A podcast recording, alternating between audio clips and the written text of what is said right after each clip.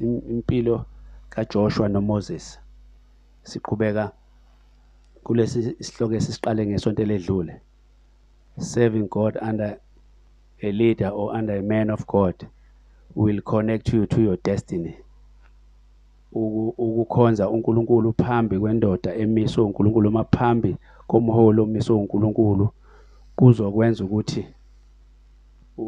uhlangane noma ufike eh kulokho uNkulunkulu akubekele khona. Manje ke ngifisa ukuthi ke la sibuke impilo kaJoshua nje kafishane bese ke siyavala. uJoshua noMoses. Mhlambe ake sifunde bazalwane uExodus chapter 33 uverse 11 Exodus 33 uverse 11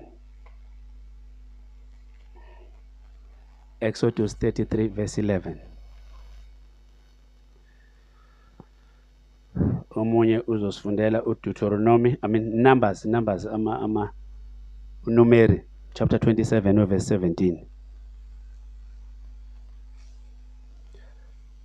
Exodus 33 verse 11 uJehova wakhuluma kuMose.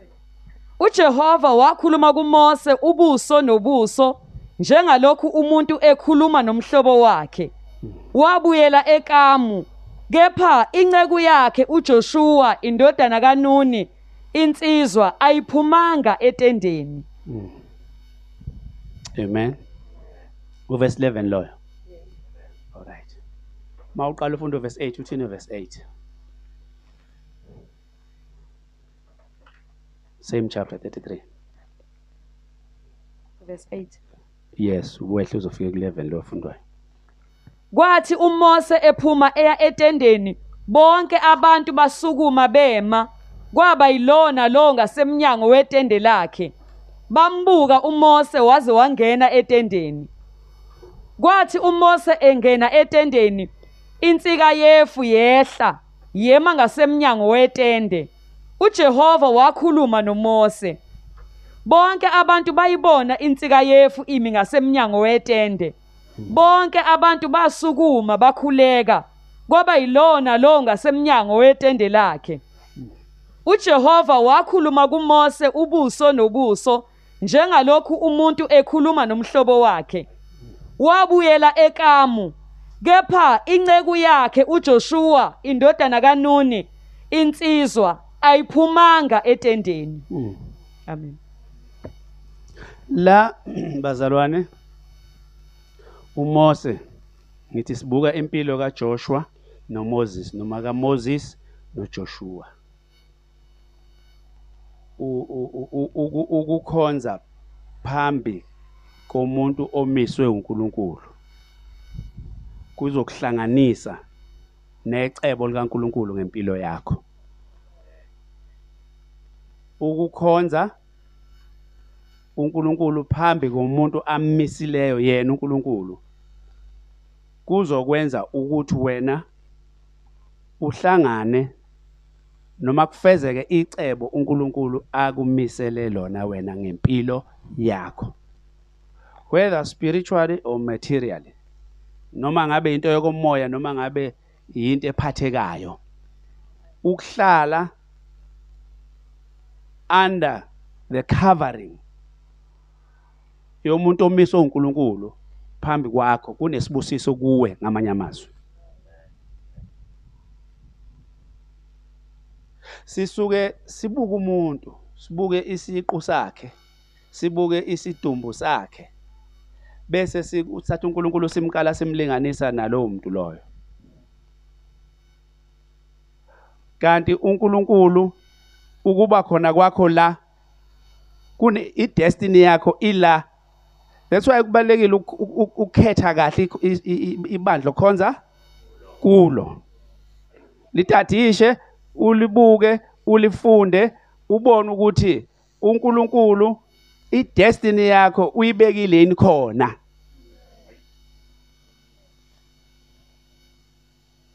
Ngoba omunye umuntu impilo yakhe ilinyazwa nje ibandla akhonza kulo. Lapho khona uthola ukuthi impilo yakhe ayiyi phambili. Ungaze uhambe uphuphe impelo ezangomeni uthi hayi into zami ayihambi kahle. Kanti you are not connected. Usendaweni wrong kwesinye isikhathi. It's very important.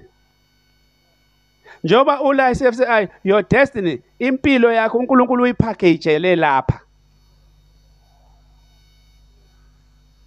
Kwenye indawo ungahlala uNkulunkulu esakulungisa nje sakulungisa kodwa ekugcineni uNkulunkulu ukubekela indawo kakhulukazi uma uhamba naye ufuna yena.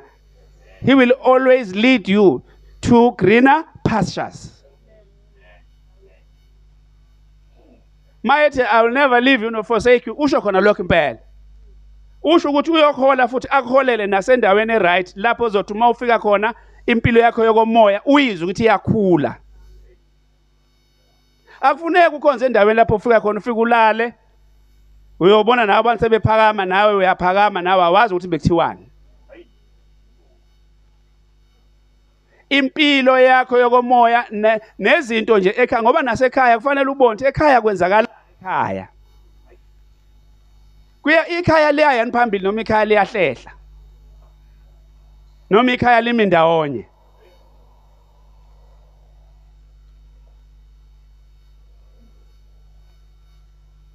Izingane zona zenze njani zona izingane kwenzakalani nje nje Yabona? Impilo yakho yonke nje wena unjani? Yazi khona omnye umuntu oka umbona wathi nje bamthele ngomlotha nje nje hawu. Umuntu avela aphuphe nje ungazi ukuthi uphushiswa yini? Ngathi bamthele nje ngomlotha nje. Eh uphaphathekile nje. Yabona uma ufunda incwadi kaDeuteronomy uthi uNkulunkulu ngiyokushaya ngokuphaphatheka eh? Abantu uma bekubuka nje bathi kodwa usibantu kwenzakaleni? Yazi ngathi khona nje into abethi bakubukisisa kahle bangakuboni nje kahle. Ukuthi kwenzakaleni? Ugezile khona ugeza noma kwenzakaleni? Ushawe uNkulunkulu ngokuphaphatheka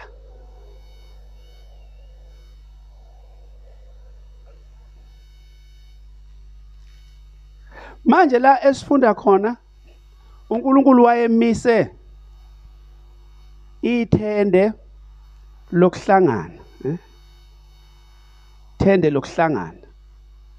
uNkulunkulu emise ikamu lapha abantu ababephuma khona amina ababehlala khona kusemathendeni abo ngaphela ukhumbule phela laba bantu they were nomadic babehamba behlala. Kulabo babehlala khona babehlala emathendeni.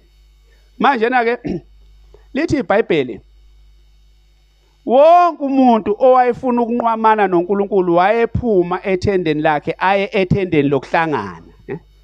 wonke umuntu owayefuna uNkulunkulu wayephuma ekhaya lakhe aye ethendeni lokuhlangana njengoba silapha nje siphume emakhaya ngoba sifuna ukuhlangana noNkulunkulu saphuma emakhaya seze ethendeni lokuhlangana.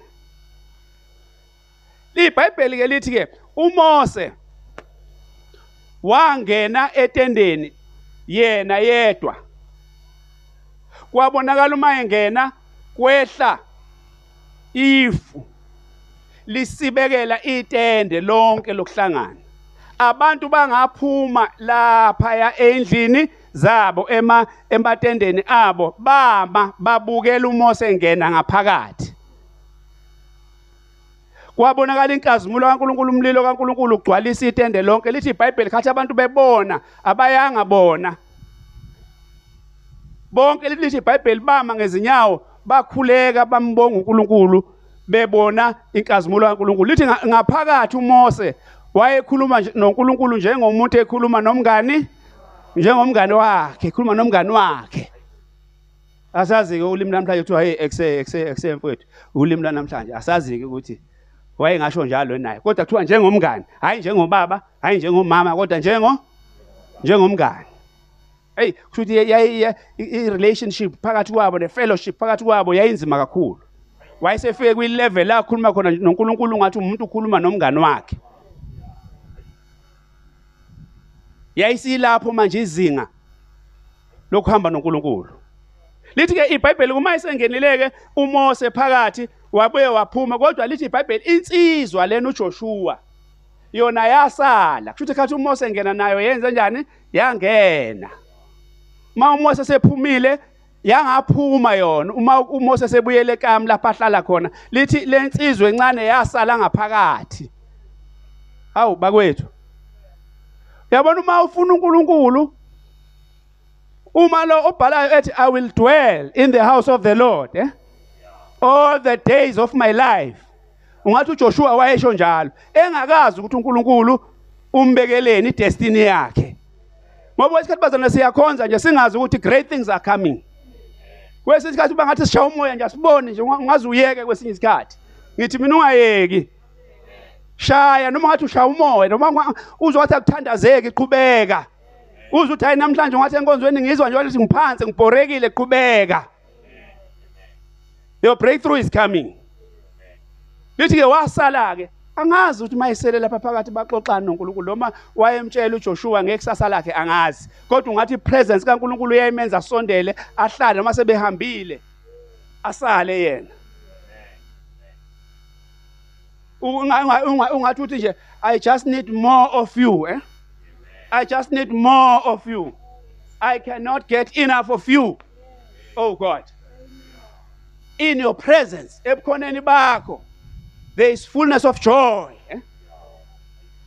uyazi uma sekuthiwa uNkulunkulu wehlile abantu khona umnyoso engasafuni ukuhamba ngathi ngalokho iqhubekile inkonzo khona into ayizwayo empilweni yakhe yokomoya ingakho ke kubuye kudide uma ubona umuntu enkonzweni uzwe ukuthi hayi ungathi into zaphezulu manje seyifikile.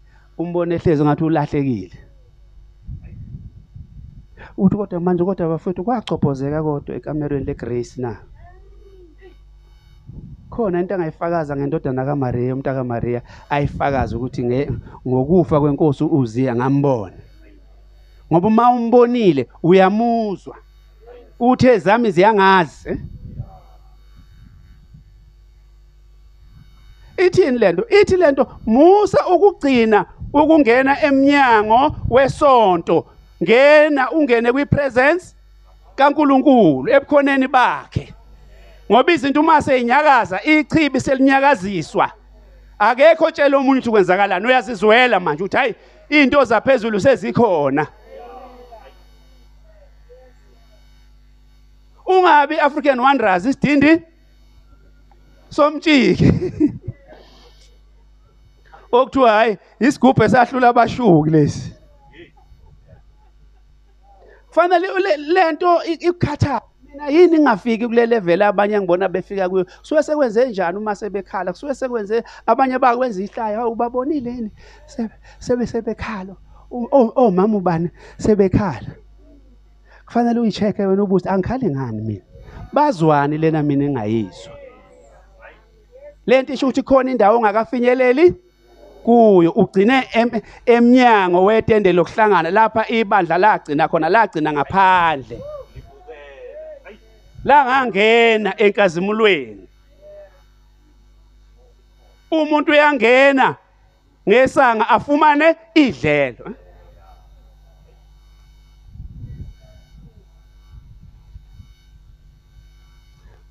Manje ke ngize ngithi mina hey mhlambe lapha uwaye uNkulunkulu babexoxa mhlambe ethi after uMoses esefile wena ngoba khona enye into ongeke enye oyizwa from your spirit ukuthi kuzokwenzakalani. Ithi mayisiyenzeka ukuthi hayi lento i sensed it. Ngizwile emoyeni ukuthi izoba kanjena. Kwesinye isikhathi wayengamxoxeli ngendaba yokufa kaMoses kodwa emoyeni wakhe omunye umuntu umiswa kwenye into kufana nomunye umuntu uthi ezoshada ebese izwile indoda iyeza. Ingakafiki. Uyeza. Usendleleni. Khona into ongeke uyitshele umuntu oyizwa uma umuntu kamoya oyidonsa wena. Kufana nomuntu ongakufuni uyamdonsa. Engakazi asho lutho nje. Umdonse nje umuzwe ukuthi ayilona akangiphiwe. Noma amehla ngawakhipha ngaphandle abe azaguqe phansi. Akuyi ngokuguqa kuya ngokuthi la emoyeni kwenzakalani. Phela wayengeke uJudas ngoba uJudas ukhaphela uJesu uJesu useyazi kade eyidownloadile ehamba nayo nje. Ma kodwa esemhinta uthi hayi e- engidla naye es- esikha kanye naye esitsheni sinye. Uyena ozongikhaphela uyazi he was so gentle uJesu wayegentleman akasho ukuthi Judas wena uzongikhaphela am expose ngamanye amazwi lento isho ukuthini lento isho ukuthi uma umuntu kamoya ezinye izinto awuyikhulumi. Awukhulumi nanoma yini ngoba asikho eyoni lapha. Okuthiwa hawu baza khona ophethe i ophethe ibhodlela. Asikhiphi amabhodlela. Sishumayela izwi okuyilona elikhipha amabhodlela. Uma usaqhubeka nebhodlela sesishumayele unenkinga. Uma usaphatha isinemfu sesishumayele izwi laNkulunkulu. Numbers ngisheshe numbers numbers unumeri. 27 verse 17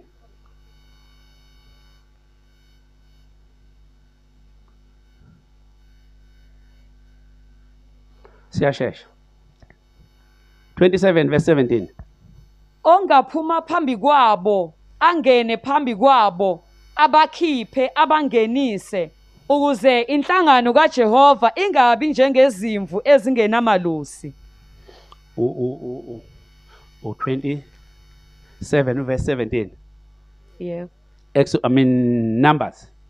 Yebo all right. Awehle ngezansi? uJehova wathi kuMose zithabathele uJoshua indodana kaNuni. Hmm. Umuntu onomoya ubeke isandla sakho phezu kwakhe. Hmm. Ummise ngaphambi kwaEliezari umpristi naphambi kwayo yonke inhlangano. Hmm. Umnike isikhundla emehlweni abo. mm. Awuqale mhlawumbe ku15 ukuze uyizwe kahle lapha ngoba uNkulunkulu bayaxoxa lapha noMose. 15 uMose wayesekhuluma kuJehova wathi uJehova uNkulunkulu wemimoya yenyama yonke makamise umuntu phezu kwenhlangano ongaphuma phambi kwabo angene phambi kwabo abakhiphe abangenise. Ukuze inhlangano kaJehova ingabi njengezimvu ezingenamalusi Ayi. Uyabona manje la wayesena 100 akazi 120 bani uMoses. Sebeyixoxa le ndaba manje esasession eh session plan. Ukuthi ubani ozothatha emva kwami inkosi ngoba mina ngigugile manje. And uNkulunkulu wamtshela ukuthi wena Mose wena uzofa manje wena. Awuse wena nje awuzuqhubeka uyongenisa abantu eKhanani ezweni lesethembiso. Uzogcina ukulubuka. uMoses uthi inkosi hayi awufuneke Jehova awufuna umuntu ozothatha laba bantu. Amen? Angene phakathi kwabo aphume phakathi kwabo ahambe phambi kwabo. Mfune inkosi lo muntu. Kanti ukhuluma komdala wezinsuku idayari yakhe neplan yakhe into eya- eyahlelwe emaphakadeni. Angithi uyambona lo waJoshua osale lapha ya? Etendeni. Uma inkazimulo yehla. Kwesinye isikhathi khona ezinye izinto oyidisqualifya wena kuzo wena ngokwenza kwakho. Your attitude ikwenza ube disqualified. Your attitude towards God your attitude towards your leaders your attitude towards your ministry ivele ikudisqualify wena. Uzenze wena. Omunye umuntu abe phakathi kwethu kodwa angafuni lutho nje olwethu nje.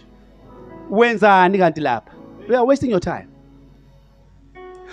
Ingakho lithi obefundisa lapha ubishop athi thanda ivision uphinde uthande nevisionary. Eh?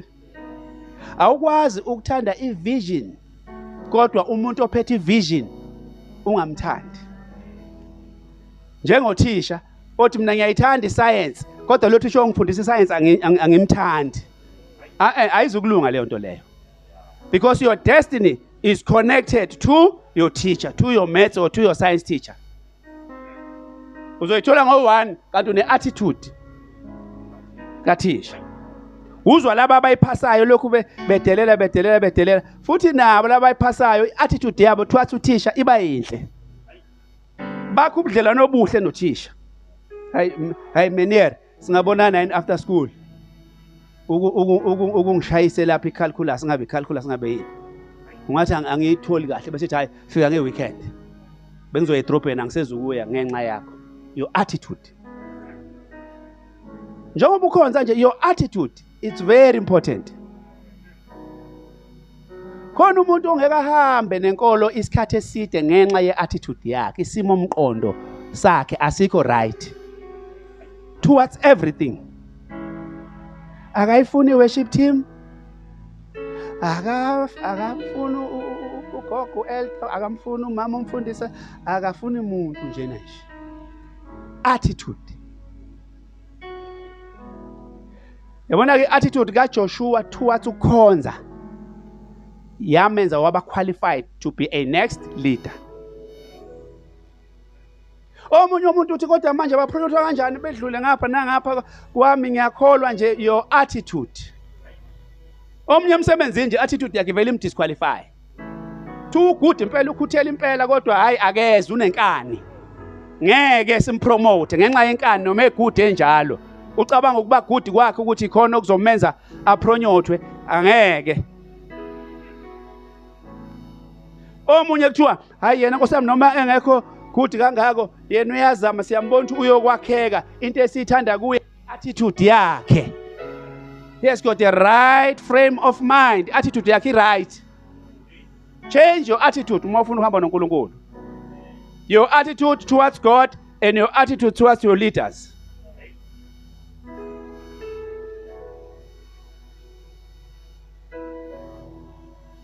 Amen. Uyamphendula kuNkulunkulu-ke lapha esifunde khona. Uyamphendula kuNkulunkulu uthini? Uverse 7 i mean lapho ube- ubesachaza lapha kuverse 17 ethi ozophuma phakathi kwabo angene phakathi kwabo ozobahola ukuze bangabi njengezimvu ezingena melusi. uNkulunkulu hates that. Akafuni abantu bakhe bangabi nawo umuntu okhona phambi kwabo obalusayo. Uthini ke uNkulunkulu? The Lord said to Moses uverse 18 uJehova wathi kuMose zithabathele uJoshua indodana kaNuni umuntu onomoya ubeke isandla sakho phezu kwakhe. Umuntu onani? Ufuneka umuntu onomoya kaNkuluNkulu phezu kwakhe. Ngalesikhathi u u u uStefan bem- bemkhande ngamatshe. Kwabe sekufuneka umuntu owayezongena endaweni yakhe. Kwatholakala indoda eyayigcwele umoya kaNkuluNkulu. Kodwa ke la uthi ke mthathe bese ubeka izandla zakho phezu kwakhe. Wenzani? Khathi ubeka izandla phezu kwakhe. You are imparting. You are transferring. I-anointing abanye abantu nje ukubeka izandla bakuthatha njengentwana nje eh, elule it's so spiritual ukubeka izandla phezu komuntu. Yakho ibhayibheli lithi asingajahi ukubeka izandla phezu komuntu. It's a sacred thing ukubeka izandla phezu komuntu. Akufanele nje wonke umuntu osephambi kwami ngimdumele nje. Ningethuki kodwa uma ngisho njalo. Kodwa lento eshiwo uNkulunkulu la uthi beka izandla phezu kwakhe. Kusho ukuthi lento ngamanye amazwi iyaphuma i-leadership kuMoses uNkulunkulu uyayitransfer ngokubeka izandla iya kuMoses. I mean iya kuJoshua. Ake sibukeke Deuteronomy 31 verse 3 Serving God under a man of God will connect you to your destiny. kepha uJehova uNkulunkulu wakho uyakuwela phambi kwakho. Achithe lezi zizwe phambi kwakho uzidle. uJoshua uyakuwela phambi kwakho njengokukhuluma kaJehova. Uvesi bani lo ofundayo ma? Verse 3 uvesi 3 ngasemaboma uqale kuvesi 1 uMose waya ukukhuluma lawa mazwi kubo bonke abakwaIsrayeli. Wathi kubo Ngineminyaka eyikhulu namashumi amabili namuhla. Mm. angisenamandla okuphuma nokungena. Mm. uJehova ushilo kimi ukuthi awuyikuliwela leli Jordan qhubeka. Kepha uJehova uNkulunkulu wakho uyakuwela phambi kwakho. Achithe lezi zizwe phambi kwakho uzidle. uJoshua uyakuwela phambi kwakho njengokukhuluma kaJehova. Nazi izinto ezimbili engicela lapha uyinake engathi ziyinto eyodwa kuleli verse leli olifundayo. Uvesi bani lo sesifundayo verse 3 verse 3 the lord your god will himself go over before you and he will destroy these nations from before you Hmm? and you shall dispose them Hmm? you shall dispose them eh? and joshua shall go over before you bangako before you abalapha oh konje ngifunda nge- ngesingisi la oh phambi kwakho phambi kwakho bangako phambi kwakho. Bangaki? Bathathu. The lord your god will himself go over before you. Uthi mina iminyaka yami isi-120 manje sengigugile. Kodwa uNkulunkulu inake leyo nto uyohamba phambi kwakho. Azidla izizwe aziqede izizwe phambi kwakho. Antu uyabona uMoses? Impilo yakhe isiyaphela kodwa ipurpose neplan kaNkulunkulu ayipheli. Iyaqhubeka. Ingakho sithi ivision nemission kaNkuluNkulu ngelida iyadlula noma ilida ingasekho. Izolo sifundile powerful lapha ukuthi njengoba siphila nje siyimndeni siphilela hayi thina kodwa siphilela ama generations and generations asazoqhamuka emva kwethu. Neyizwa nento bazalwane? Njengoba ngiphila nje nomkami angiphileli manje kodwa ngiphilela ama generations izizukulwane ngezizukulwane. Ezizothi ugogo noma simbonanga ugogo noma simbonanga umkhulu kodwa sezwa ukuthi la ekhaya kwakuthandazwa. Kusho ukuthi uma ukhonza nje wena uyalaying a foundation uyalaying a legacy ngomndeni wakho nabantwana bakho. Uyubona abantu uma umuntu e- e- e- e- engenwa ungoma noma engenwa ubunyanga noma engena noma yini? Baye bambuze bethi ukhona yena ekhaya owake waphatha ikhwama na? Bese bethi hayi sekuvuke umkhulu wakhe ikhwama useyinika useyinika wena. So thina angithi uyabona ukuthi isangoma sakhe ilegacy? Ngamadimoni?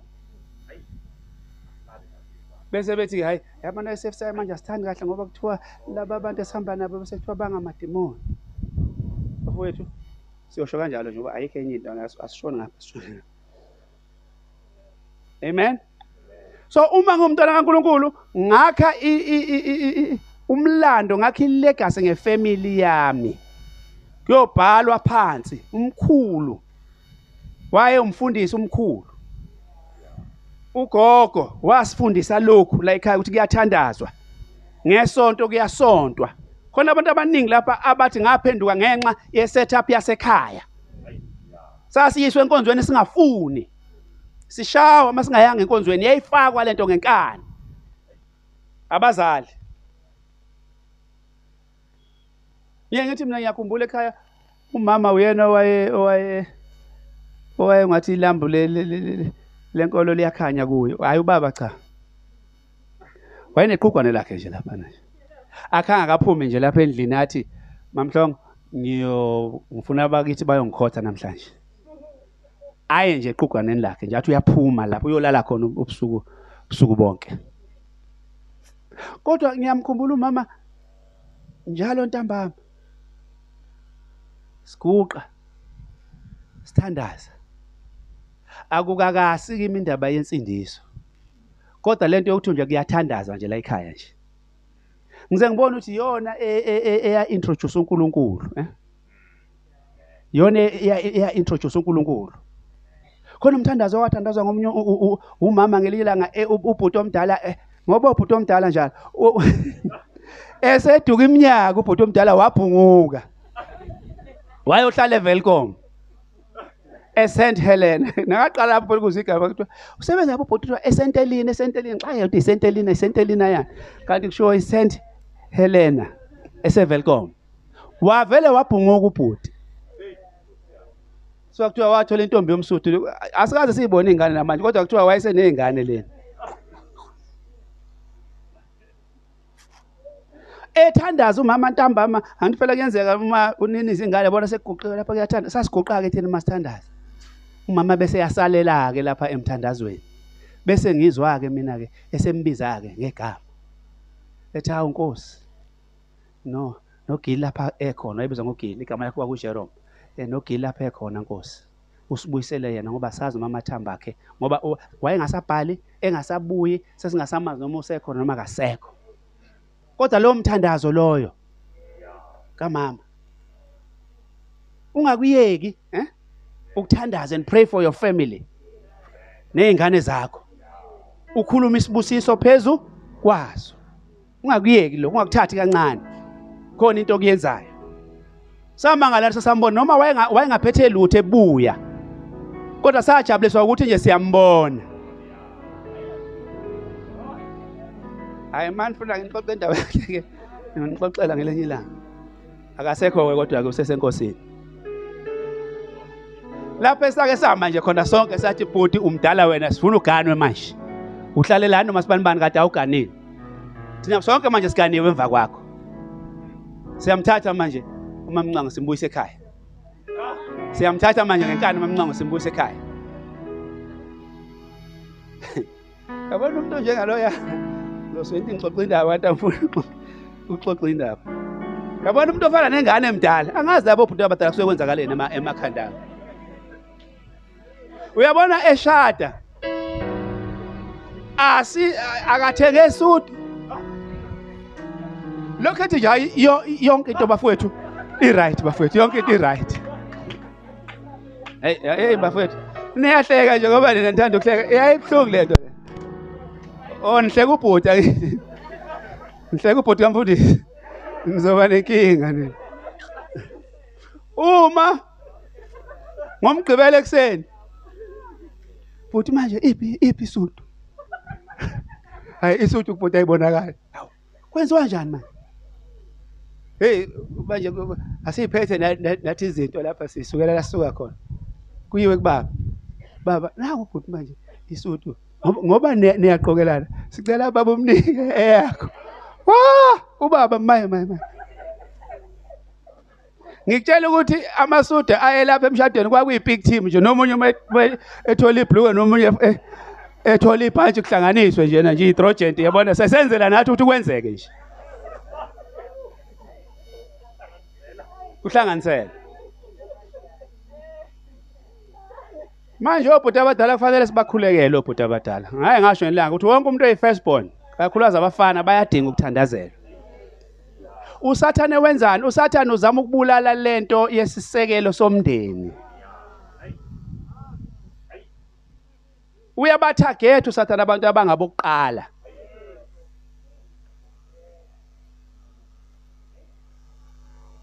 Singagcina sesimnyanya. Kanti kukhona umoya olwa? Olwa naye. La ufunde khona sisi ufunda uvesi? Uvesi 3 uthi uthi uNkulunkulu ke uyohamba phambi kwakho. Usho uMoses ilento esihlale sisho ke bazalwane ukuthi uNkulunkulu you are uniquely irreplaceable but functionally replaceable. Eh? uMose sasesiphelile isikhathi sakhe kodwa ipurpose kaNkulunkulu yayisaqhubeka. uNkulunkulu wayesababona ngaphesheya komfula. Wayesababona bewela umfula wayesababona beseKhenani ngoba ipurpose kaNkulunkulu ayivinjwa umuntu iyaqhubeka noma umuntu engasekho.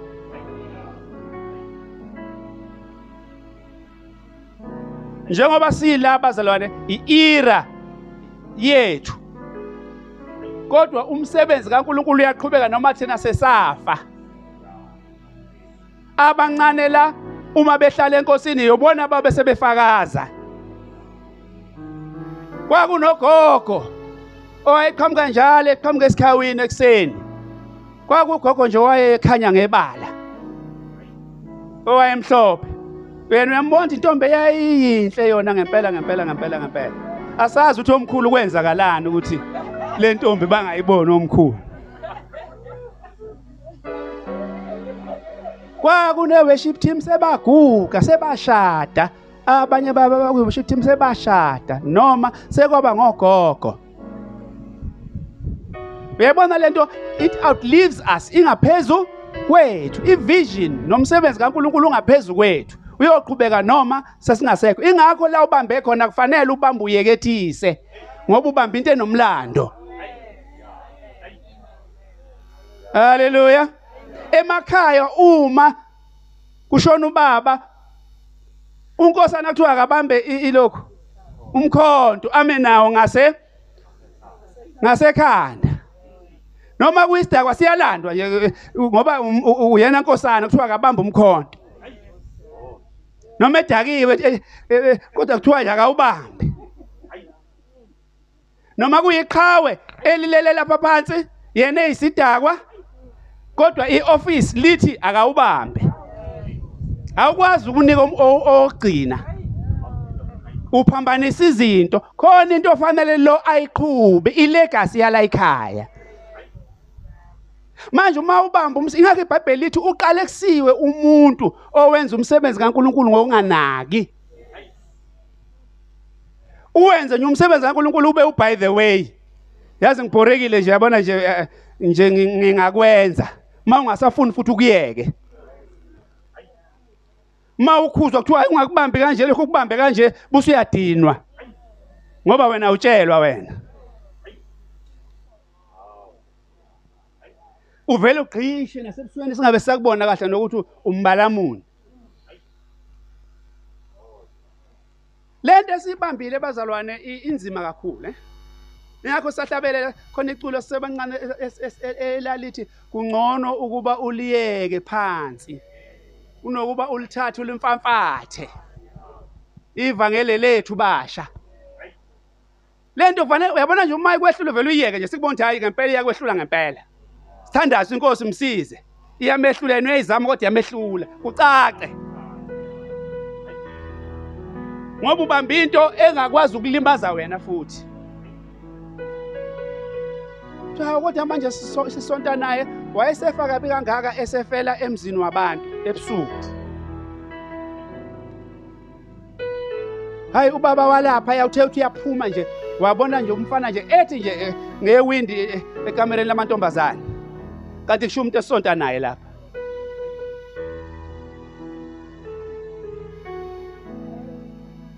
Caca!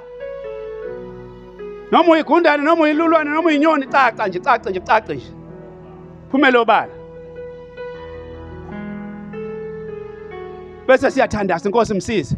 Ungaphi umbaleke nje vela usho ukuthi hayi lento ngiyayithanda yona kodwa ngathi iyangihlula mfundisi. Ngihlula kuphi eh, mntanami eh, hayi manje ngihlula lapha ingihlule la ingihlule la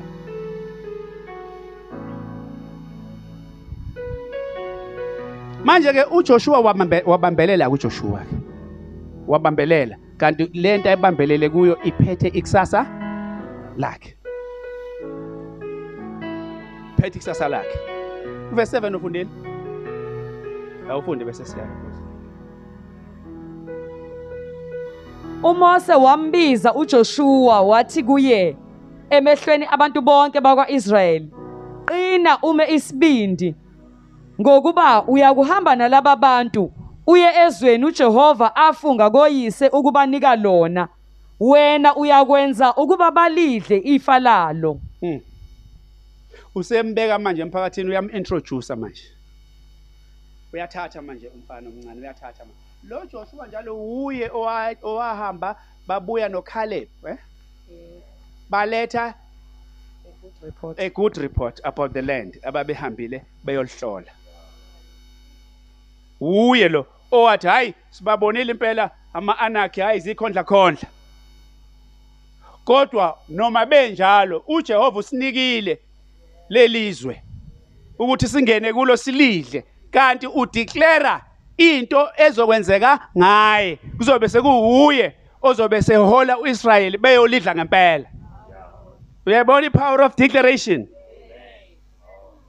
Laba babuya bathi hayi sibabonile hawu sivele sayibona nje sizintuthwane singamadiya phambi kwabo. Ngeke singene ngeke silidlizwe. Uyabona? Into ayibona ngamehlo iyona ozoyibamba. Lo ngayibona ngeke uyibambe. uJoshua noma wayibona ikhondla khondla kodwa yena wabona uNkulunkulu emkhulu kunezikhondla khondla uthi sizongena silidlizwe kanti uNkulunkulu uyamuzwa. Kwathi into ayishoyo kwayiyona yenzayo uye wayesehola uIsrael esengena ezweni laseKhanani. Hayi uMose ngifisa sithandaze abazalwane ngifisa sithandaze. Uyinake lento yokuthi uNkulunkulu wathi uJoshua ugcwele umoya. Is full of the spirit. God is a spirit. And they that worship him must worship him in spirit and in truth. Angeke umkhonze uNkulunkulu uhamba ngenyama because he is a spirit. uNkulunkulu kwayena uphatha ikhula mayesefuna umuntu ozothatha ibaton. Ufuna umuntu ogcwele umoya wakhe ngoba uzothatha kuye alethe kubantu. Asiphakameni bafowethu sikhuleke egameni likaJesu.